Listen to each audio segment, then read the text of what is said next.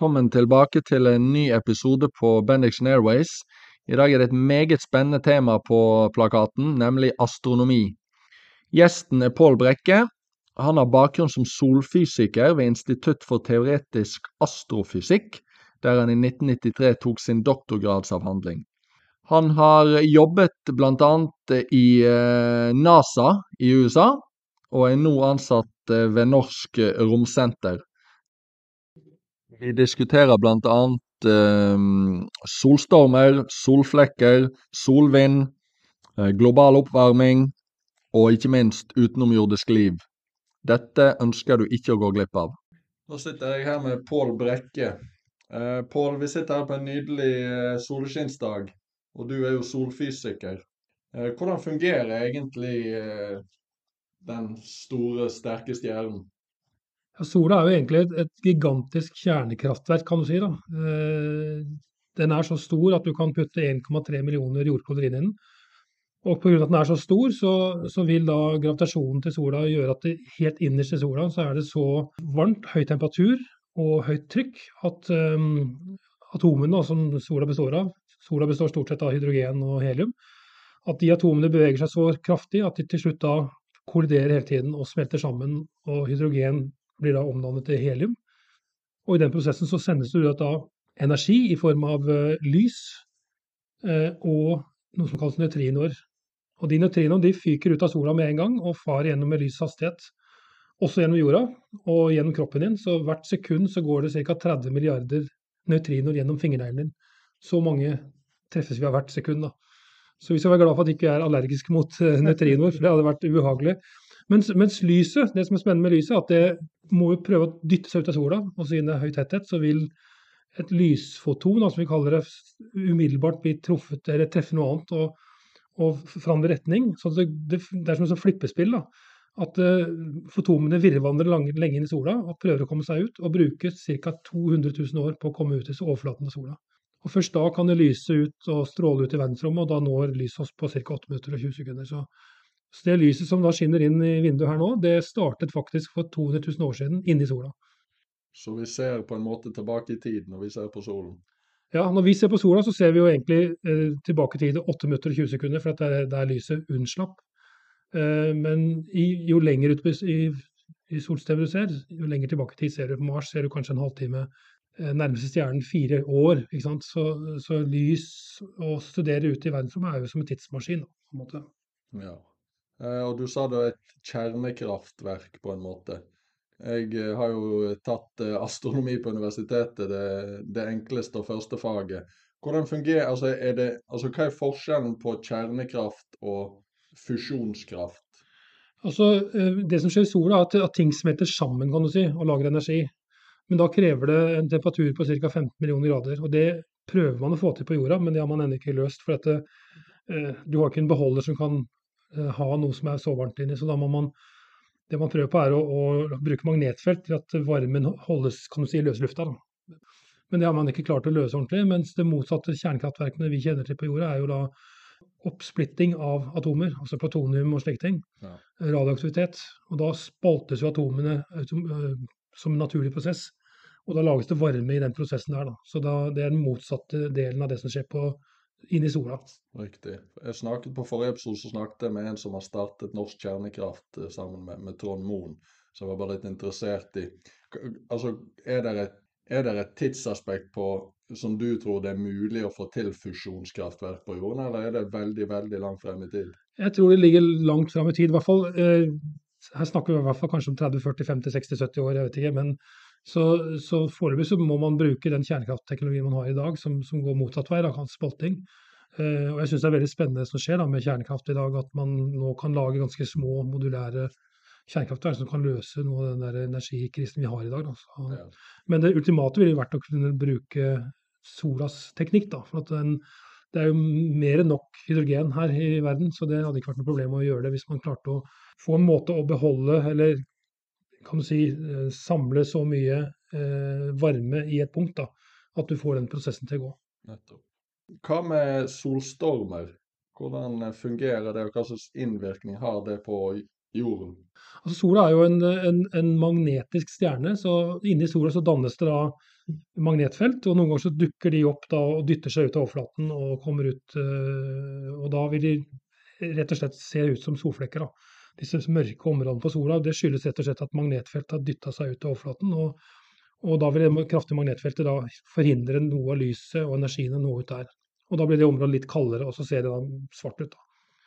Eh, men de magnetfeltene de kan da kan si, tvinne seg opp som en eh, strikk. Hvis du tvinner en strikk for lenge, så til slutt så ryker den. Og Så hører du litt smell, og så fyker strikken av gårde. Da går all den energien du har tvinnet opp med, til å lage den lyden, litt varme, og, og kaster den strikken langt av gårde.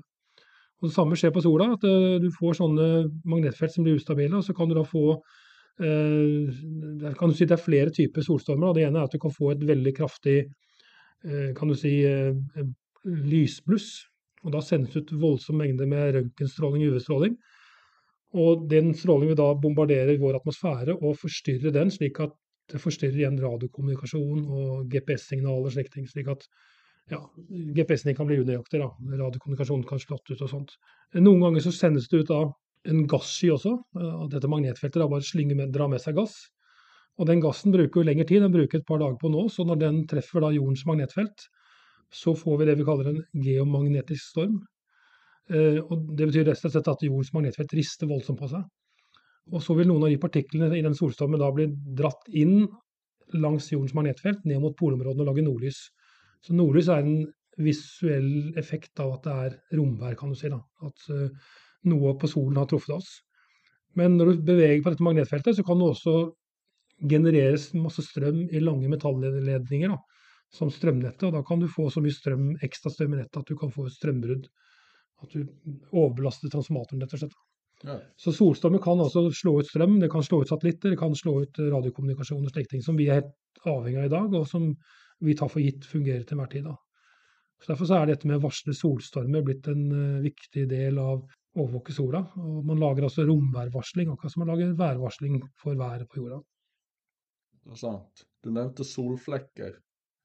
Hva, hva, er det, og hva er forskjellen på det du nettopp snakket om? Ja, solflekker er rett og slett de mørke områdene som dannes da når, når kraftige magnetfelt dytter seg gjennom overflaten på sola. Eh, da vil ikke energien og disse, disse lysfotonene klare å nå opp dit, og må finne andre veier. Da. Sånn at eh, temperaturen på solens overflate er typisk da kanskje 5500 grader. Mens i de solflekkene så er temperaturen bare 4500 grader. Men Det er nok til at de ser mørkere ut. Men de lyser allikevel kraftig. Det er en sånn kontrasteffekt. Så hvis du tok en solflekk og, og reiv den løs kan du si, og satte den på natthimmelen, så vil den lyse mye kraftigere enn månen. Så det er en ren kontrasteffekt at det er litt lavere temperatur der enn resten av sola. For sola er så intens eh, lys. da. Hva er det som gjør at det blir solflekker?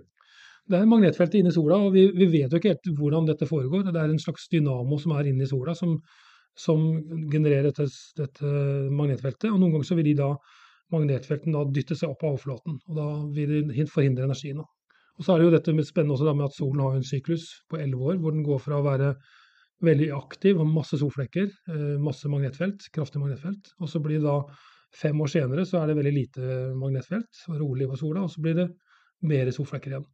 Så det går sånn typisk elleve år mellom hver gang solen er veldig aktiv. Da. Akkurat i disse dager så er vi på vei mot et nytt solmaksimum. Så det har vært mye solstormer og veldig mye nordlys i vinter pga. Ja. det. Solvind står det her på notatene mine. Ja, solvind det er altså en, en vind du, du kan liksom ikke seile med den på en seilbåt på jorda, men det er rett og slett en strøm av partikler som sendes ut av sola. Eh, stort sett elektroner og protoner. Og de blåser liksom ut fra sola ut i hele solsystemet med en hastighet på ca. 1,5 million km i timen. Så de bruker fremdeles da et par dager fra sola, men når de kommer til jorda, så treffer de ikke jorda, de treffer jordens magnetfelt. Vi har altså et sånt et skjold rundt oss som er lages av jordens roterende kjerne. Um, og det er den som gjør også at vi kan bruke et kompass og finne hva som er nord og sør. Men denne solvinden da vil la dytte magnetfeltet inn mot, på solsiden og strekker ut en lang hale på bak, baksiden. Og Når du da får variasjoner i solvinden, så vil du også eh, riste litt på magnetfeltet og lage nordlys. Så Det er det som lager da, nordlys hver eneste dag i Nord-Norge, helt langt nord. da. Så er det alltid litt nordlys. Og hver gang det blir litt variasjoner i solvinden, så får du mer eller mindre kraftig nordlys. Og hvis du da blir truffet av en solstorm, så kan du få veldig kraftig nordlys, og da kan nordlyset også trekke seg helt ned til Sør-Norge av og til. Ja. Du snakket òg om at uh, du var inne på at vi nærmer oss et maksimum nå i den syklusen.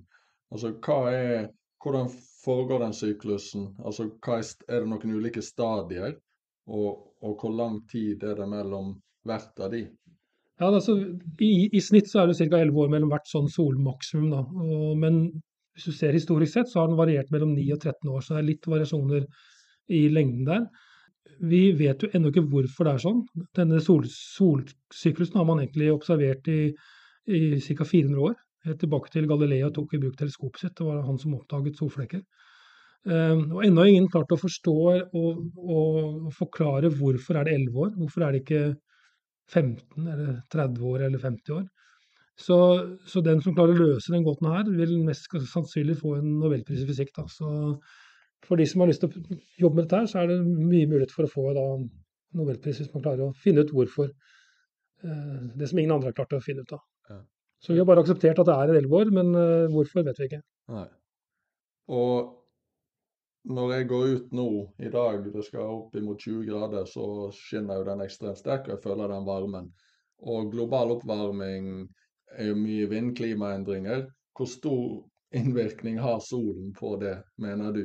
Ja, det, det, er det som er vanskelig å si, da, for vi har hatt liksom en, en, en, temperaturøkning de siste 150 årene eh, som er på 1,5 grad eller 1 grad. Eller noe. Eh, I samme periode så har solens aktivitet økt en del. Og i samme periode så har man også hatt mer utslipp av CO2 og andre drivhusgasser. Men siden de har gått liksom samme veien, så er det litt vanskelig å vite hvor mye hver av de har bidratt. Eh, mange klimaforskere vil jo hevde at det stort sett bare er CO2, at solen ikke har så mye å si, mens andre forskere mener at solen har mer å si, og kanskje bidrar med 30% eller 50% eller enda mer. Men det er ikke bare solen og CO2 som bidrar med klimaendringer, man har også interne altså prosesser i jorden. Man har havstrømmene som varierer, man har um, sirkulasjonsmønstre, man har en rekke andre ting også som, som påvirker klimaet. Så det er sammens, veldig sammensatt. Nå har jo solen da kanskje begynt å flate litt ut, og kanskje vil gå litt nedover igjen. Og så har jo også temperaturen vært ganske flat de siste 30 årene. Så det blir spennende å se hvis solen da blir svakere og CO2-utslippene fortsetter å stige. Så vil vi kunne få et godt svar på hva, hvilken av disse er det som bidrar mest. Og Hvis da temperaturen fortsetter plutselig begynner å stige voldsomt igjen, og solen går ned, så er det ikke solen som er den viktigste. Men hvis temperaturen ikke øker de siste, neste 30 årene, og solen flater ut eller går litt nedover, så tyder det på at solen har vært mer viktig enn det man trodde før. Så her vet vi ikke svaret ennå, men vi kan få et godt svar om et par tiår, tenker jeg, når vi ser hvis disse splitter, uh, skifter retning. Da. Ja, for jeg hører stadig vekk at the science is settled på det her området. Ja, Det vil ikke jeg si, for eh, det er altså mange forskere som jobber med disse tingene med naturlige variasjoner også. så der er det mange som mener at, eh, at naturlige variasjoner også er eh, veldig viktig. Og det er veldig viktig å kunne kvantifisere alle de naturlige variasjonene før du kan vite nøyaktig hvor mye da, de menneskeskapte effektene er. Ja. Jeg vet ikke hvor komfortabel du er å snakke om det, men jeg husker jeg leste den artikkel, det var en artikkel du ble intervjuet i 2008, når det blir umoralsk å tvile. Jeg vet ikke hvor du står du på, altså Er du på samme plass i dag? Ja, altså jeg, jeg står på samme plassen, for jeg sa vel også den gangen at uh, jeg, vi vet ikke uh, svaret. Men eh, jeg mente at naturlige variasjoner av solen kan bidra mer enn det man har lagt inn i klimamodellene. For at man, I klimamodellene så har man stort sett bare sett på én av effektene av solens variasjoner, den totale utstrålingen. Man har ikke lagt inn hvordan variasjoner i UV-stråling påvirker atmosfæren vår, og hvordan kosmisk stråling styres av solen, som igjen kan påvirke skymengden. da kan du si. Men hovedpoenget mitt var den gangen at det, det må være lov å stille spørsmål mot eh, konsensus, kan du si. da. Ja. Eh, og forskning har jo aldri vært liksom, Det er ikke snakk om hvor mange som rekker opp hånden, altså håndsoppretning. Der. Hvis du går tilbake i historien, så er det jo de som har gått imot strøm, som ofte har vært de som har fått rett. Galilei er et godt eksempel på det. Han støttet jo Copernicus, som mente at, uh, at det var ikke jorda som var i sentrum, det var sol som var i sentrum av vårt solsystem, og alt gikk rundt sola. Og det, den teorien støttet jo Galileo opp om når han så med teleskopet sitt at eh, det var månen som gikk rundt Jupiter og slike ting. Som han satt i husarrest resten av livet sitt, for at han sa noe så kjettersk. Så det, det, det, det, skjer litt det samme i dag, at hvis du er uenig med konsensus, så blir du liksom satt i bås da, med å være eh, fornekter og slike ting. Og det syns jeg er synd. Man må kunne ha eh, Hvis så lenge man argumenterer ut fra forskningsartikler, så må man kunne være uenig med de andre, for å si det sånn. Skulle tro det. Eh, hvis du går tilbake igjen til solen, altså påvirkningen på jorden er jo rimelig åpenbar. altså Den er jo avgjørende for alt liv, antar jeg. Hvordan er påvirkningen på de andre planetene i solsystemet vårt? Ja, så Solen er jo den som, som, som driver kan du si, dag og natt og vinter og sesonger sånn på, på, på, jorda. Og man har jo sesonger også på Mars, ser man. Portlotten der sånn varierer. Så solen påvirker jo på en måte alle planetene ved at solvinden sprer seg helt ut dit. Den, det er den som styrer kosmisk stråling på de planetene også. Men uh, det er jo ikke alle planetene som har uh, vær og, og, klima som oss, da kan du si. Mars har jo ikke noe særlig atmosfære igjen. Ja. Uh, og den har ikke noe globalt magnetfelt heller, så der er det si, livsfarlig å oppholde seg. for at du kan ikke leve på, på, bakken der i et telt, for å si det sånn. At du må bo i beskyttende bunkere eller kapsler hvis du skal bære på Mars over lang tid. For der, der kommer da partikler fra både verdensrommet, eh, kosmisk stråling og solstormer eh, vil være skadelig for kroppen på Mars. Så det er en utfordring. Hvis man skal bo på Mars, så må man eh, grave seg ned, mest sannsynlig. Ja. Har du noen tro på prosjektet til Musk som skal til Mars? Ja, altså man må nesten tro på det. Han har jo fått til nesten alt han har prøvd på. Det at han har klart nå også å kommersialisere eh, romtransport. Eh, eh, godt hjulpet av NASA. De, han har jo fått kontrakter med NASA for å få gjøre dette her. og Boeing fikk en annen kontrakt, de har ikke klart det ennå. Men han har nå skutt seks romkapsler med mennesker opp til romstasjonen. Han skyter opp raketter nei, nesten hver uke. Og for et par uker siden så skjøt han tre sånne Falcon 9-raketter i løpet av 24 timer. Så det han har fått til der, er jo helt fantastisk. Eh, og nå skal han jo prøve å skyte opp den store raketten sin i disse dager. Så hvem vet? Det kan godt være han får til dette mye raskere enn mange ville trodd. Selv om jeg tror det blir vanskelig å sende mennesker til Mars på en trygg måte pga. stråling fra sola og utfordringer med å bo der. Ja. Men at han klarer å få til å sende mennesker der, det tror jeg han får til. Men jeg ville ikke dratt der før jeg kunne dratt trygt, tror jeg, for å beskytte meg mot strålinga. Nei, nettopp. Tilbake til det du sa tidligere, før vi forlater solen. Altså, hvor, ja, hvor utrolig er det at er vi helt perfekt plassert i solsystemet for liv, med tanke på sol og andre ting? Ja, altså hvis, hvis, solen, nei, hvis jorden hadde bare vært et, en par prosent nærmere, så ville det blitt for varmt og litt lenger ut så har det blitt for kaldt. Så vi ligger altså temmelig nøyaktig i en riktig sone. Og det er jo den sonen man prøver å finne andre planeter på andre stjerner, eksoplaneter. Nå har man 5000 bekreftede eksoplaneter som man har funnet de siste eh, 10-15 årene. Uh, og det tyder på at nesten alle stjernene har planeter. De fleste planeter man har funnet, er jo de store gassplanetene, for de er lettere å oppdage. Uh, men man har også funnet en del steinplaneter, og han har også funnet noen som da er i den vi kaller den beboelige sonen. Som er i riktig avstand fra stjerna si, sånn at det kan være eh, ikke for varmt og ikke for kaldt. For at vi ønsker at det skal være mulig for vann da, på disse planetene. For sånn som vi kjenner liv og hvordan det har oppstått, så må vi ha vann for å få, få liv. Eh, det kan jo hende at det finnes andre livsformer et annet sted som ikke vi kjenner til, men eh, det beste er å lete et sted hvor det kan være vann, da, eller vanndamp i atmosfæren. Ja. Så det er det ultimate å prøve å finne. Så ja, vi er heldige at jorda ligger liksom akkurat riktig sted, da, kan du si. Hvor er vi nærmest å finne de eh, kriteriene du snakker om i solsystemet vårt? Det er jo da eh, Mars det jo, er det ikke vann på nå, men man vet at det er vannis rett under overflaten og noen steder. sånn at det, man tror kanskje at det har vært noen form for liv på Mars. Da snakker vi da om mikrober og slike ting. Og Det er det man prøver å finne ut da på, med den roveren som går rundt på Mars med en norsk georadar som kikker ned i bakken, ja. for å kunne se om det er forekomster av vannis og sånt under eh, overflaten. Da. Men de beste stedene er jo månene rundt uh, Jupiter og Saturn. Der er det noen is, uh, ismåner som da har en, en, si, en sånn skorpa is, og under der så er det store hav. da. Og på noen måneder så er det jo mer hav enn det er på hele jorden, altså mer vann enn det er på hele jorden.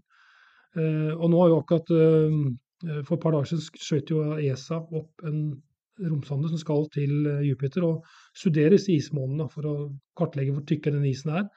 Og kanskje til og med finne landingssteder som man senere kan gå og dra dit. Og kanskje finne steder hvor isen ikke er så tykk så man kan faktisk bore seg ned og undersøke det vannet, om det finnes form for liv der. Ja. Jeg hørte den skulle innom både det ene og de andre planetene. Ja, den skal jo på, på, vei ut. da. Den bruker åtte år for å komme ut dit. Så den skal først uh, nå neste år sneie forbi jorda månen igjen. Og så skal den innom Venus, og to ganger innom jorda før den skal ut dit. Og da skal den eh, gå i bane rundt eh, Jupiter først for å studere planeten. Og så skal den innom masse, masse av disse månedene. det er jo 92 måneder oppe. Eh, men stort sett skal den se på de store galileiske månedene som Galileo kikka på. Og så skal den etter hvert da inn i bane rundt Canimedes, da, som er den største av de, og kartlegge den i detalj. Ja. Den skal også innom Europa, da, som uh, kanskje er den som man tror har størst sjanse for at det er liv under isen. Men den ligger ganske nærme planeten, og det er veldig mye stråling der, så man tør liksom ikke gå mer enn to ganger forbi der. Og så vil de holde seg der ute. For det man ikke ønsker, er å krasje romfartøy inn i denne Europa, slik at man har med seg bakterier og andre ting fra jorda. Da, som, da blir det vanskelig senere å, å, skille det fra eventuelle ting som er der. Ja, nettopp. Tror du det er intelligent liv der ute? Ja, når du ser på hvor mange stjerner det er i vår galakse, 200 milliarder andre stjerner, og nesten alle de har eh, planeter, ser det ut som nå, det visste vi ikke før. Eh, og så er det ca. 200 andre millioner galakser, så det er klart at eh, Sjansen for at det er noe liv der ute, det, det er nok ganske sikkert. Eh, men spørsmålet er om det er liv akkurat nå. Og, eller det største utfordringen er jo avstandene. Hvis, en, hvis vi får noen signaler fra, fanger opp signaler fra en sivilisasjon i dag, og hvis den, det signalet kommer fra en galakse som ligger en milliard lys der borte, så vil det aldri være mulig å kommunisere med dem. For at, uh, da er det signalet brukt en milliard år. Og det vil ta en milliard år før de får svaret vårt. Selv på den nærmeste stjerna så er det fire lysår bort. Uh, Proxima Centauri. Og da betyr det at hvis du hadde en kompis som bodde der, så ville det ta fire år før han fikk din SMS-melding om han har lyst på å finne på noe gøy. Og så ville det ta fire år til før du fikk svar igjen. Så det ville være en sånn tungvint kommunikasjonsmåte. Så, så, så, avstanden gjør at det er vanskelig å tenke seg at vi skal kunne komme i kontakt med noen og kommunisere med noen. Uh, og siden da så tar lang tid, så vil jo selv i vår galakse da, så er det kanskje 80 000 lysår bort til en stjerne. Uh, det betyr at hvis vi får signal fra dem, så mest sannsynlig så er ikke de lenger når vi mottar signalet. Og Da er kanskje ikke vits å svare. Og så er det jo som Stephen Hawking sa også, det er ikke, vits, det er ikke sikkert det er lurt å svare engang, for det kan være at de ikke er snille. Ja. Eh, det er jo veldig mange teorier i alle retninger rundt det. Det har vært veldig mye vind de siste årene pga. en del observasjoner, spesielt i USA, der det har vært uh, høytstående militært personell som mener de har observert ting som ikke kan være fra, fra denne planeten. Hva vet du om det? Hvor står du på det? Ja, altså, nå har Pentagon gått ut og de har sagt at de har undersøkt slike ting, og Forsvaret og sånt. og det mange blir litt overrasket over at liksom, de driver og, og, ser på det vi kaller UFO. Da. Men UFO er jo ikke noe annet enn et lysende objekt som man ikke klarer å forklare. Um, og, det, og, Jeg syns ikke det heller er rart at uh, militære makter prøver å undersøke det. For de, de, vil jo være sikre på at det ikke er en fiendtlig aktivitet som, som uh, har et eller annet nytt våpensystem. Da er fly som ikke kan oppdages. Ja. Så det er ikke overraskende, egentlig. Men jeg tviler sterkt på at det er eh, noen fremmede vesener som flyr inn hos oss. For det første så har vi radarsystemer i dag som kan overvåke alt romskrot og ting som flyr gjennom eller over atmosfæren vår og kommer inn i atmosfæren vår. Så alt som er større enn en golfball omtrent, eller en tennisball, kan vi trekke, og trekker hele tiden. Så da må de ha noe som de gjør seg usynlig å komme inn hit. Eh, så er spørsmålet, hvis de da har vært her, hvorfor har de liksom ikke gitt seg til syne og, og, og og vise seg fram. Og særlig da kontakte noen forskere, ikke ikke noen, kanskje en rar bonde på et jorde ute i USA. Og, og det som andre som jeg syns er merkelig, er at uh, hvis du ser på de bildene av UFO-er som finnes, da uh, Det var stort sett på 70-tallet og, og 60-tallet at det ble tatt bilder av ufoer. Kornete, dårlige bilder, ikke sant? fotografier.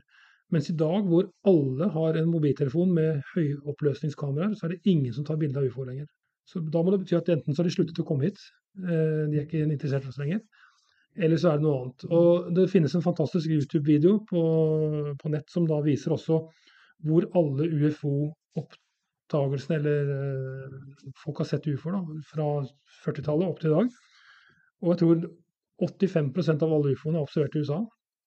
Veldig mange i England, men resten av verden så er det nesten ingen.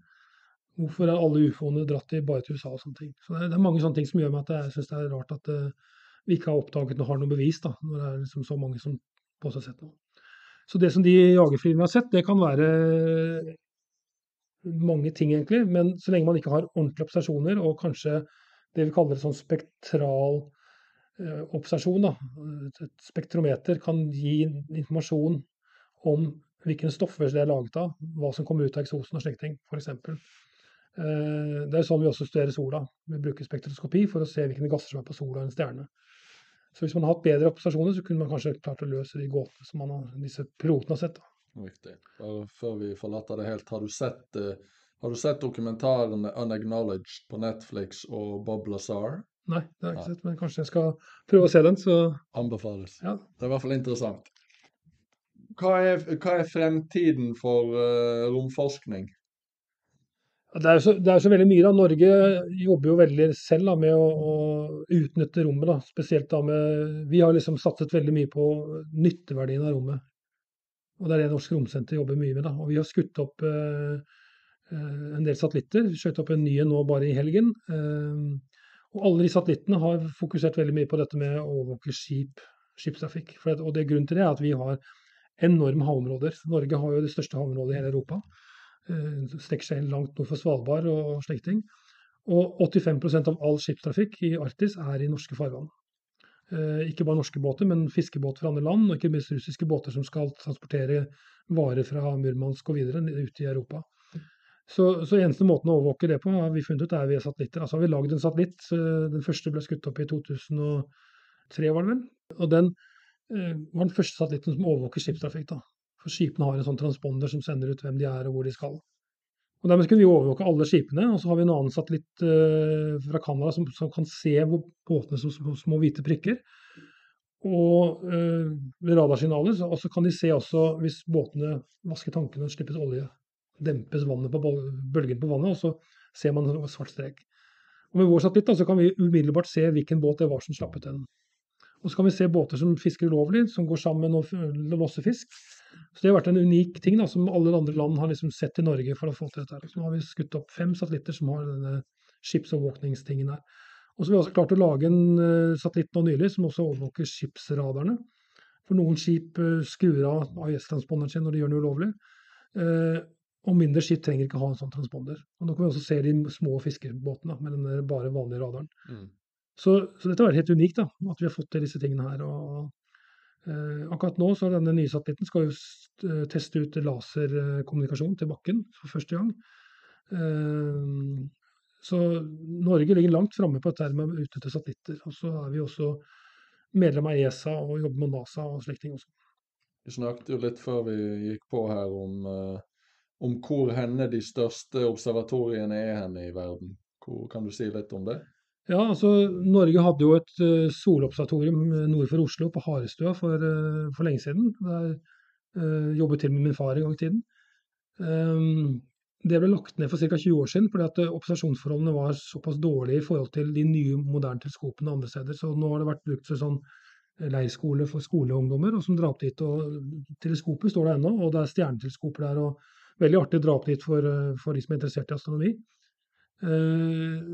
Men det man fant ut, var at det, beste stedet er å bygge teleskoper da, på øyer langt ute i havet.